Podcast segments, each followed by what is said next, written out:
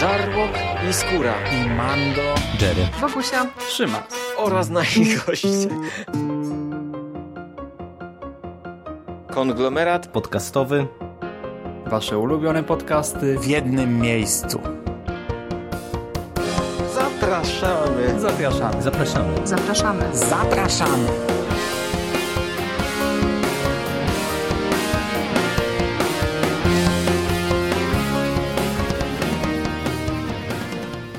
Witam w konglomeracie podcastowym, czyli na platformie, która zbiera wszystkie Wasze ulubione podcasty w jednym miejscu. Po tej stronie mikrofonów witają się z Wami Michał Dżeryrakowicz. Cześć. Cześć Szymas, witam wszystkich słuchaczy. Oraz ja, Szymon Szymas-Cieśliński.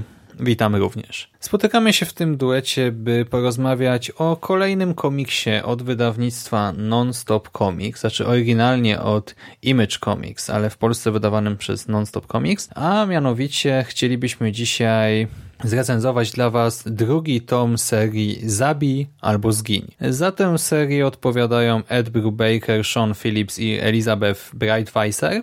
To się nie zmieniło chyba. I może przejdźmy od razu do komiksu, co? No zdecydowanie, jeżeli ktoś chce posłuchać o samych twórcach, to zachęcamy do powrotu do pierwszego z podcastów. Mhm. W drugim tomie poznajemy dalsze losy Dylana, młodego mężczyzny, który wierzy, że zawarł pakt z demonem, pakt wedle którego Dylan, aby przeżyć, aby przetrwać, musi zabijać co miesiąc jedną złą osobę. Musi być takim samotnym mścicielem, który eliminuje yy, złe jednostki. Przy czym, jak pamiętacie, my chwaliliśmy ten pierwszy tom. On pokazywał, że życie takiego mściciela to nie jest taka prosta sprawa, że w gruncie rzeczy bardzo łatwo popełnić błąd, że zabijanie w ogóle nie jest czymś prostym, tak?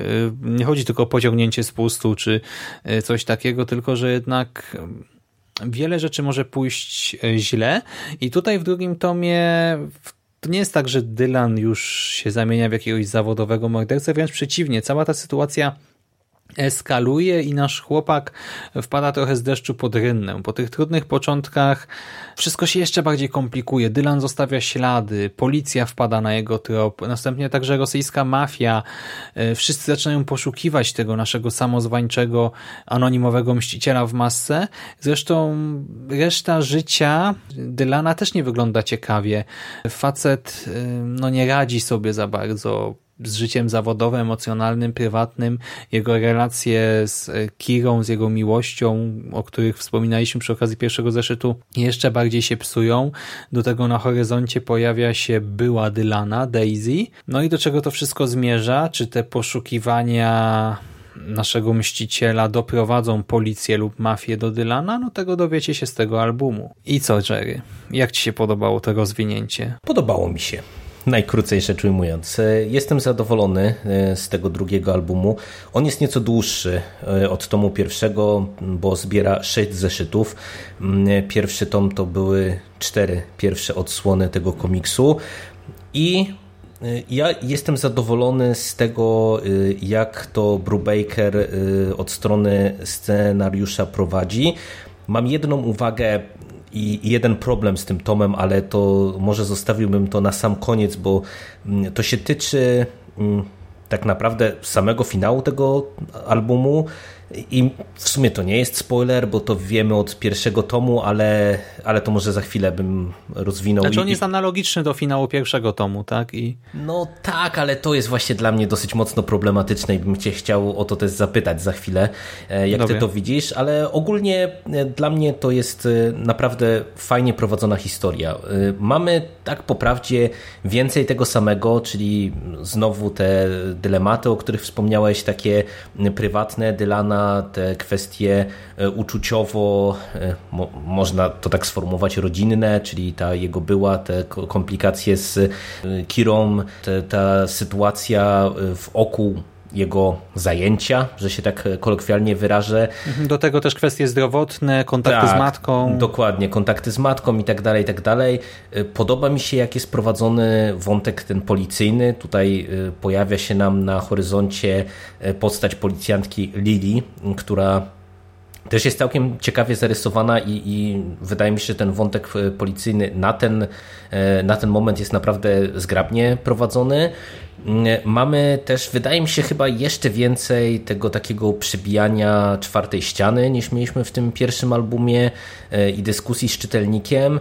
E, przy czym tutaj wrócę też e, do, przy tym do finału, no bo to w kontekście tego finału wydaje mi się nieco dyskusyjne. Ale tak, ogólnie, jeżeli Wam się podobał pierwszy tom, to myślę, że śmiało y, powinniście po kontynuację sięgnąć, bo to po prostu nadal jest bardzo dobra historia. Mhm. I to nadal nie jest y, historia Mściciela, jakiego kojarzymy z kina akcji. Widzimy tutaj Dylana jako zagubionego młodego człowieka, y, który, no właśnie, albo realizuje ten pakt z nadprzyrodzoną istotą, albo popada w szaleństwo, bo to dalej do końca nie jest jasne. Niby komiks nam e, przez dużą część czasu sugeruje, no pokazuje nam tego demona, tak, widzimy go, ale z drugiej strony widzimy go oczami Dylana i do tego właśnie finał tego zeszytu znowu pokazuje nam, że to niekoniecznie musi być rzeczywiście istota nadprzyrodzona, że to może być też obraz e, kogoś, kto właśnie popada w szaleństwo, kto traci nad sobą kontrolę, kto stara się walczyć z tym, co robi, tak, z własnymi tam właśnie wewnętrznymi demonami, może tak to ujmę, ale niekoniecznie mu to wychodzi. I to jest ciekawe, ta eskalacja też mi się podoba, bo tutaj się strasznie dużo dzieje.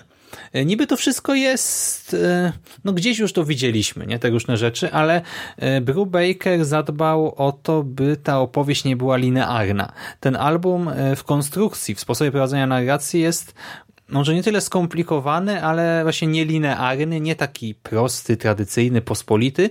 E, wręcz przeciwnie, już tutaj od samego początku mamy narrację bardzo często niechronologiczną. To przełamywanie czwartej ściany też e, wygląda w ten sposób, że Dylan zwraca się wprost do czytelnika i mówi mu e, na przykład, e, wiecie, takie typowe zagrania z literatury, że w tym momencie jeszcze nie wiedziałem, że, że to coś jest ważne, że się jeszcze raz spotkamy, tak? Ona wtedy jeszcze nie wiedziała, kim jestem, tak? Jeszcze nie wiedzieli, że mieli pod nosem Mściciela i tak dalej, i tak dalej. Mamy ten foreshadowing. Troszkę jest go tutaj chyba za dużo, znaczy za dużo. Ten ostatni raz na cmentarzu, to dla mnie już było takie zluzujcie troszkę z tym właśnie konkretnym zagraniem, ale samo zaburzanie chronologii, sugerowanie, że e, właśnie musimy się cofnąć w czasie, czy że coś powróci później, e, w większości przypadków do mnie tutaj absolutnie przemawiało i e, do tego też ta oprawa graficzna Philipsa tutaj fajnie z tym gra, bo ona też jest taka, jakby to ująć. Mamy czasami taką tradycyjną narrację, tak klatka po klatce, kadr po kadrze. Czasami mamy duże, szerokie kadry i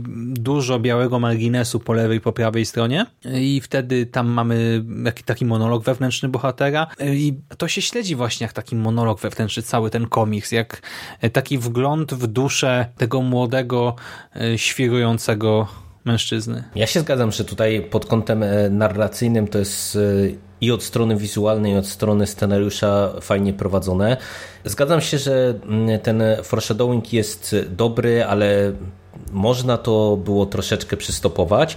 Przy czym ja ci powiem, że to, co mi się w tym tomie bardzo spodobało, to są dwa elementy. Po pierwsze, mhm. ten finał y, z tomu pierwszego i tak jak pamiętasz, my żeśmy się zastanawiali, w jakim kierunku to pójdzie. I w sumie to z jednej strony się cieszę, że tak po prawdzie to Brubaker jakby w ogóle odpuścił w, tym, w tych kolejnych sześciu zeszytach ten wątek y, który no, wydawałoby się, że jako bezpośrednia kontynuacja będzie bardzo istotny, czyli że tutaj będziemy gdzieś tam próbowali rozkminić, czy Dylan to jest tylko zaburzony koleś, który wziął sprawiedliwość we własne ręce, czy jednak mamy tutaj do czynienia z czymś nadnaturalnym.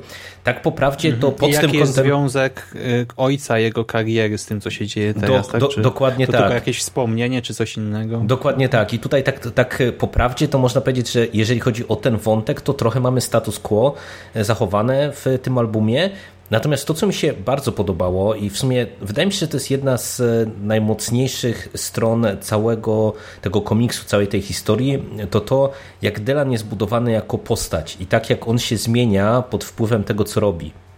Bo to, co wspomniałeś, on tutaj nie jest takim typowym mścicielem, którego albo znamy z komiksów, e, albo znamy z kina akcji, czy z kina akcji klasy B. I to, co y, według mnie tutaj jest fajnie y, przez scenarzystę y, rozgrywane, to to, jak ta postać się zmienia. I to na przykład te jego przemyślenia są dosyć ciekawe i to, jak on reaguje na pewne sytuacje, bo wiesz, bardzo często przy kreowaniu mścicieli to jest prowadzone E, raczej w taki sposób, że mamy do czynienia cały czas z wewnętrzną walką bohatera, który jakby czuje się niekomfortowo z tym, co robi, nieważne czy zabija, czy nie zabija, no bo to można powiedzieć, nie wiem, czy w Daredevilu chociażby, czy w innych tego rodzaju bohaterach, którzy są tacy trochę vigilantis, jak to się mówi z angielska, no, no, no wiesz, wiesz jakby jak to jest prowadzone. Mhm. Albo znowu jest takim typowym po prostu no, mścicielem, który po prostu dąży o tej zemsty i tyle, tak? Idzie tak, tak. To, to, to tak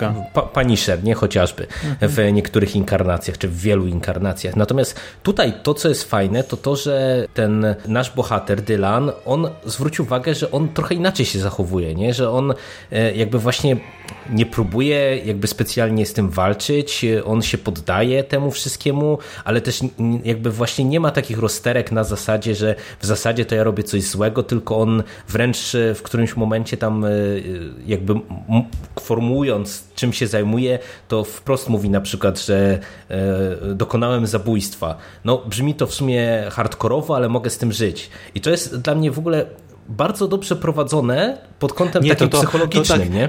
Przypomniało mi się, to chodziło o to, że y, mówi, że jestem po robocie, czy coś takiego, nie? Mhm. Że tak, tak się mówi chyba w filmach, czy coś takiego. Ale właśnie to jest super, że on naprawdę ma takie rozkminy przemyślenia, jakie mógłby mieć młody człowiek wychowywany współcześnie, Y, na jego miejscu, nie? Że to jest takie dosyć naturalne. To jest dosyć naturalne, ale mówię, to jest y, coś, co, no tak jak tutaj wspomniałeś, no jest naturalne, a tak naprawdę dosyć rzadko jest spotykane i wykorzystywane w tego rodzaju historiach, bo widać, że pod tym kątem to jest po prostu historia taka trochę obyczajowa i te dylematy Dylana, które tutaj występują, czasem są dosyć nietypowe jak na tego rodzaju opowieści i to jest naprawdę dla mnie super tutaj prowadzone, bo wiesz, nawet te, tego rodzaju kwestie, które też bardzo często w tego rodzaju historiach się pojawiają, czyli na przykład, nie wiem, czy powinienem być sam, czy y, mogę się z kimś związać na przykład, y, a jeżeli się zwiążę, to jakie mogą być konsekwencje dla otoczenia,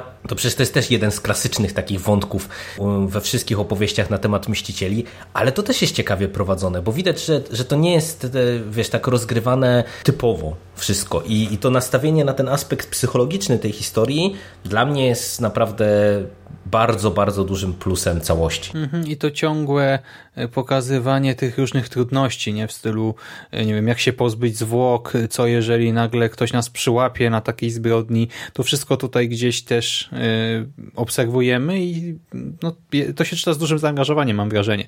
I jeszcze warto zaznaczyć, że jeden z zeszytów jest poświęcony tej miłości Dylana, Kirze. I to też jest ciekawy zeszyt, bo ta postać zostaje bardzo mocno rozbudowana. Mamy tu tutaj no ich całą historię, tak? Różne problemy życiowe, historię jej rodziny i to zapewne zostanie wykorzystane i to mnie teraz bardzo fascynuje, nie? Bo wcześniej mieliśmy tylko troszkę tych informacji o rodzinie, właśnie o ojcu Dylana, teraz coś zupełnie innej beczki. To też jest zeszyt, który się wyróżnia, jeżeli chodzi o prawę graficzną i sposób narracji, bo e, on ma znaczy z jednej strony tam mamy też różne, e, tam część jest standardowym e, komiksem, a część to są poprzecinane jak gdyby strony z albumu ze zdjęciami, opatrzone krótkim komentarzem z rozmową z psychoterapeutką na przykład. Też ciekawe zagranie, trochę zmieniające dynamikę przy lekturze całego albumu, nie? bo to tutaj jest chyba jeden z środkowych zeszytów. Jestem strasznie ciekawy, co z tą Kirą teraz będzie, bo wiemy już mniej więcej dokąd zmierza wątek Dylana, jeżeli chodzi o konsekwencje tych czynów, tak? Wiemy, kto mu będzie, kto go będzie teraz prześladował w kolejnych zeszytach, a z tą Kirą nie mam pojęcia, co tutaj się może wydarzyć, ale zapowiada się nieźle. Zapowiada się nieźle i to też jest e, dobrze zrobione przez Brubakera, bo wiesz, jak w pierwszej chwili się pojawiła ta Daisy na horyzoncie, ta była Dylana, to ja przez ułamek sekundy miałem takie obawy, czy nie będziemy mieli tutaj na przykład próby budowania jakiegoś takiego, wiesz, e, klasycznego trójkąta, gdzie z jednej strony powróci nam Kira zaraz na pierwszy plan, a e, w międzyczasie właśnie Dylan, który już związał się ponownie z Daisy, e, no, nie będzie wiedział trochę jak się z tego wyplątać. I, i pomimo, że w sumie tutaj też ten element takiego miłosnego trójkąta, czy, czy tej przeszłości wspólnej Dylana i Kiry, on jest istotny, istotny, ale to też jest prowadzone w nietypowy sposób i na przykład tu jest, z tym związany jest jeden, jeden z fajniejszych momentów, moim zdaniem, w komiksie, jak pada takie zdanie odnośnie samobójstwa ojca Dylana. Nie wiem, czy ty zwróciłeś e, na, na to uwagę. E, kiedy e, Dylan rozmawia z Daisy na temat ojca mm -hmm. i tam sprzedaje jakąś taką ją. tak i okłamuje ją. To był po prostu tak super motyw dla mnie, który właśnie pokazuje, jak fajnie tutaj scenarzysta ma rozpisaną tę opowieść i jak fajnie buduje relacje pomiędzy tymi wszystkimi postaciami. Naprawdę super rzecz i, i no, póki co ja jestem bardzo zadowolony, jak te wątki e, są prowadzone. Mhm. Zresztą też wątek dealera na przykład, e, znajomego e, Dylana, to też jest rzecz której się w tej formie zupełnie nie spodziewałem i nie mówię tylko o tym finale, ale też o rozmyślaniach Dylana na temat naszego Rexa. Jest tutaj dużo takich niespodzianek i to, co mnie w tym wszystkim chyba najbardziej zaskakuje, to fakt, że to jest bardzo prosta historia w posadach. Tak, mamy po prostu mściciela, który albo jest wariatem, albo spotkał istotę nadprzyrodzoną, a mamy tutaj tyle treści, e, wiesz, ta rama jest strasznie pojemna się okazuje. Mhm. i Zgadza się. tak naprawdę zaskakuje e, czymś, co no, wiesz, no na pierwszy rzut oka powinno być jednak liniowe, schematyczne i po prostu opierać się na tych kilku ogranych, dobrze znanych, jakoś tam sprawdzających się schematach, a jednak ostatecznie ten komiks zaskakuje i teraz, wiesz, jak jestem po lekturze Monstrescy czy The Black Monday Murders, to no nie mogę powiedzieć, że ten komiks jest lepszy czy coś, ale e, to nadal jest świetna lektura. Taka naprawdę trzymająca w napięciu, wciągająca rozrywka. No jestem na tak. Ja również. No, tak jak wspomniałem tutaj, e, patrząc pod kątem tej pojemności, to przecież zwróć uwagę na postać tej policjantki, która też w pierwszej chwili jak się pojawia, to e, można by podejrzewać, że będziemy mieli kolejny standardowy motyw znany z kina akcji czy z kina sensacyjnego, a też widać, że Brubaker chyba ma konkretny pomysł na tę postać i, i, na to, jak prowadzić jej wątek w kontekście całej sprawy z Dylanem. I ja mam nadzieję, że to będzie też coś niezbyt typowego, nieco odmiennego. Kolejny taki fajny element w tym komiksie i naprawdę no, dla mnie to jest też satysfakcjonująca lektura. I zważywszy na to, że tak wydaje mi się chyba nie ma co tu więcej dyskutować, no bo tak jak mówimy, to jest nadal bardzo dobry komiks, to ja bym chciał nawiązać tylko do, do tej ostatniej sceny. To, co mówisz, że w zasadzie ta ostatnia scena w tym albumie jest y, niemalże identyczna y, jak w pierwszym albumie i dla mnie to jest dosyć dyskusyjne, to akurat ten jeden konkretny element, bo wiesz, bo jeżeli mm, Brubaker zdecydował się na prowadzenie akcji w sposób taki, jaki prowadzi, gdzie Dylan bardzo często dyskutuje nawet o e, teoretycznie jakichś małych niuansach tego, co się wydarzyło, a co ma jakieś konsekwencje w przyszłości, to mm, zastosowanie drugi raz tego samego, tej samej zagrywki, identycznej praktycznie biorąc zagrywki, jak w tomie pierwszym, wydaje mi się trochę tanie i trochę jakby burzy te dyskusje Dylana z czytelnikiem, no bo wiesz, no z jednej strony mamy tego naprawdę dużo w tym albumie i, i mnie to troszeczkę e, wytrąciło z całości tej historii o tyle, że po prostu wiesz, no jeżeli on z nami dyskutuje naprawdę o jakichś pierdołach, no to wydaje mi się, że można to było zrobić inaczej, lepiej, nie zostawiając tego na finał, no bo to powoduje, że samo to zakończenie no, niestety zostawia takie wrażenie, że mamy drugi raz to samo, po prostu. Jeżeli już się Brubaker... Znaczy, to nie jest wrażenie, my dosłownie mamy drugi raz to samo, ale wiesz co, ja nie wiem, czy to nie jest takie mrugnięcie oka w stylu, słuchajcie, to jednak jest historia o Mścicielu, tak? Troszkę, no chcąc nie chcąc, będzie palpowa mhm. i do tego bo no zresztą Wiesz, to nie jest spoiler. Nasz bohater znowu widzi obraz ojca, na którym jest coś, co przypomina tego demona, z którym on niby rozmawia. Mhm. Tak? Drugi raz mu się to zdarza. E, przynajmniej drugi raz, drugi raz to widzimy. I e, znaczy, przepraszam, sprawia, że... tu, tu, tu jest jedna drobna różnica, że on chyba w tym pierwszym tomie e, nie spojrzał na ten obraz. To my widzieliśmy okładkę jako czytelnik. Tak, tak mi się wydaje przynajmniej teraz, że, że chyba to było tak właśnie, że to my mieliśmy zasugerowane, że coś jest tutaj nie tak, bo my widzieliśmy ten obraz, a tak naprawdę z perspektywy Dylana to jest pierwszy raz, kiedy on widzi y, tę pracę ojca. Także to pod tym kątem to jest, wiesz, taka minima, takie powtórzenie z różnicą, że się tak wyrażę. Mhm, tylko z drugiej strony to co, on nie przeglądał tego nigdy, nie wiem, ale nawet jeżeli załóżmy, że teraz spojrzał pierwszy raz, to to po prostu jest znowu też taki myk w stylu e, czytelniku, teraz ty się pozastanawiaj, tak? Mhm. No bo wiadomo, Dylan jeszcze nie może tego za mocno rozkminiać, żeby tam się scenariusz nie posypał, ale ty czytelniku myśl, tak? Czy właśnie mam do czynienia z istotą nadprzyrodzoną, a Dylan narzucił jej formę, którą kojarzy jakoś z dzieciństwa? Czy może e, Dylan jest chory psychicznie i sobie wyobraża e, ten, a nie inny obraz, bo mu się kojarzy z dzieciństwa? Może jakieś traumatyczne wydarzenie z jego przeszłości niedługo poznamy?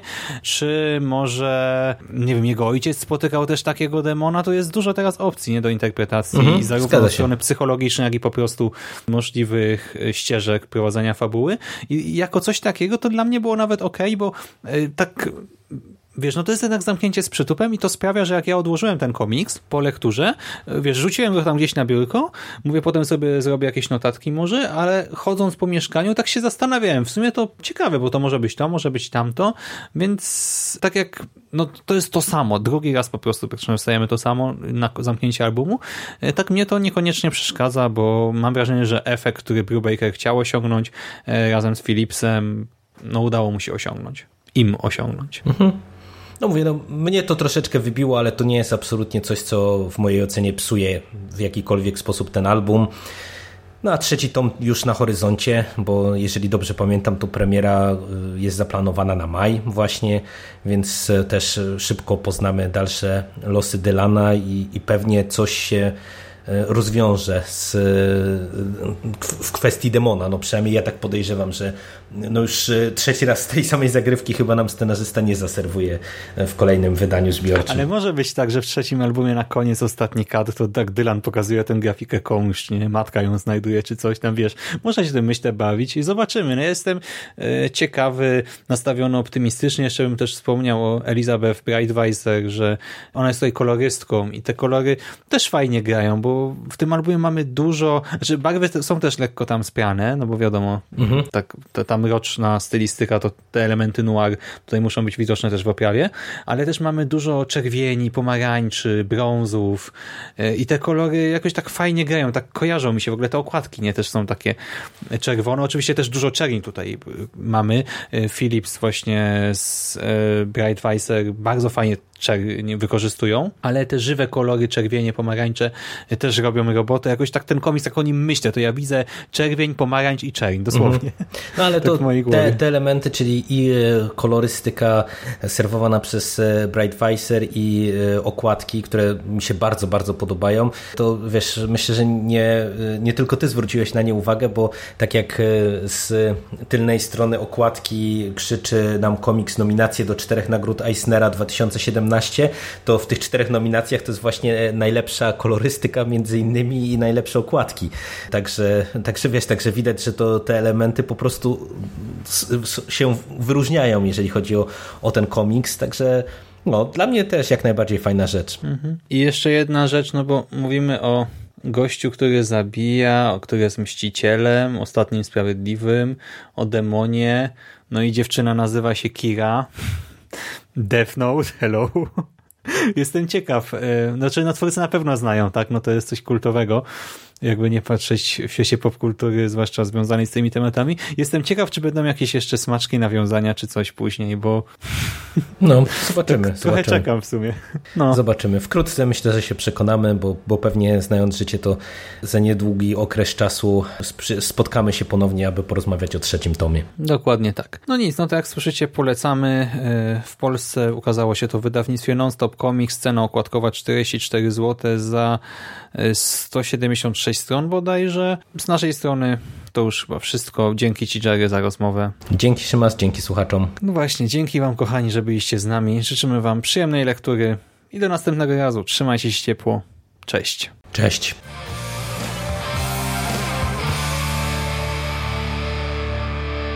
You finished? That's it, man. Game over, man. It's game over. What the fuck are we gonna do now? What are we gonna do? It's over. Nothing is over! Nothing! You just don't turn it off!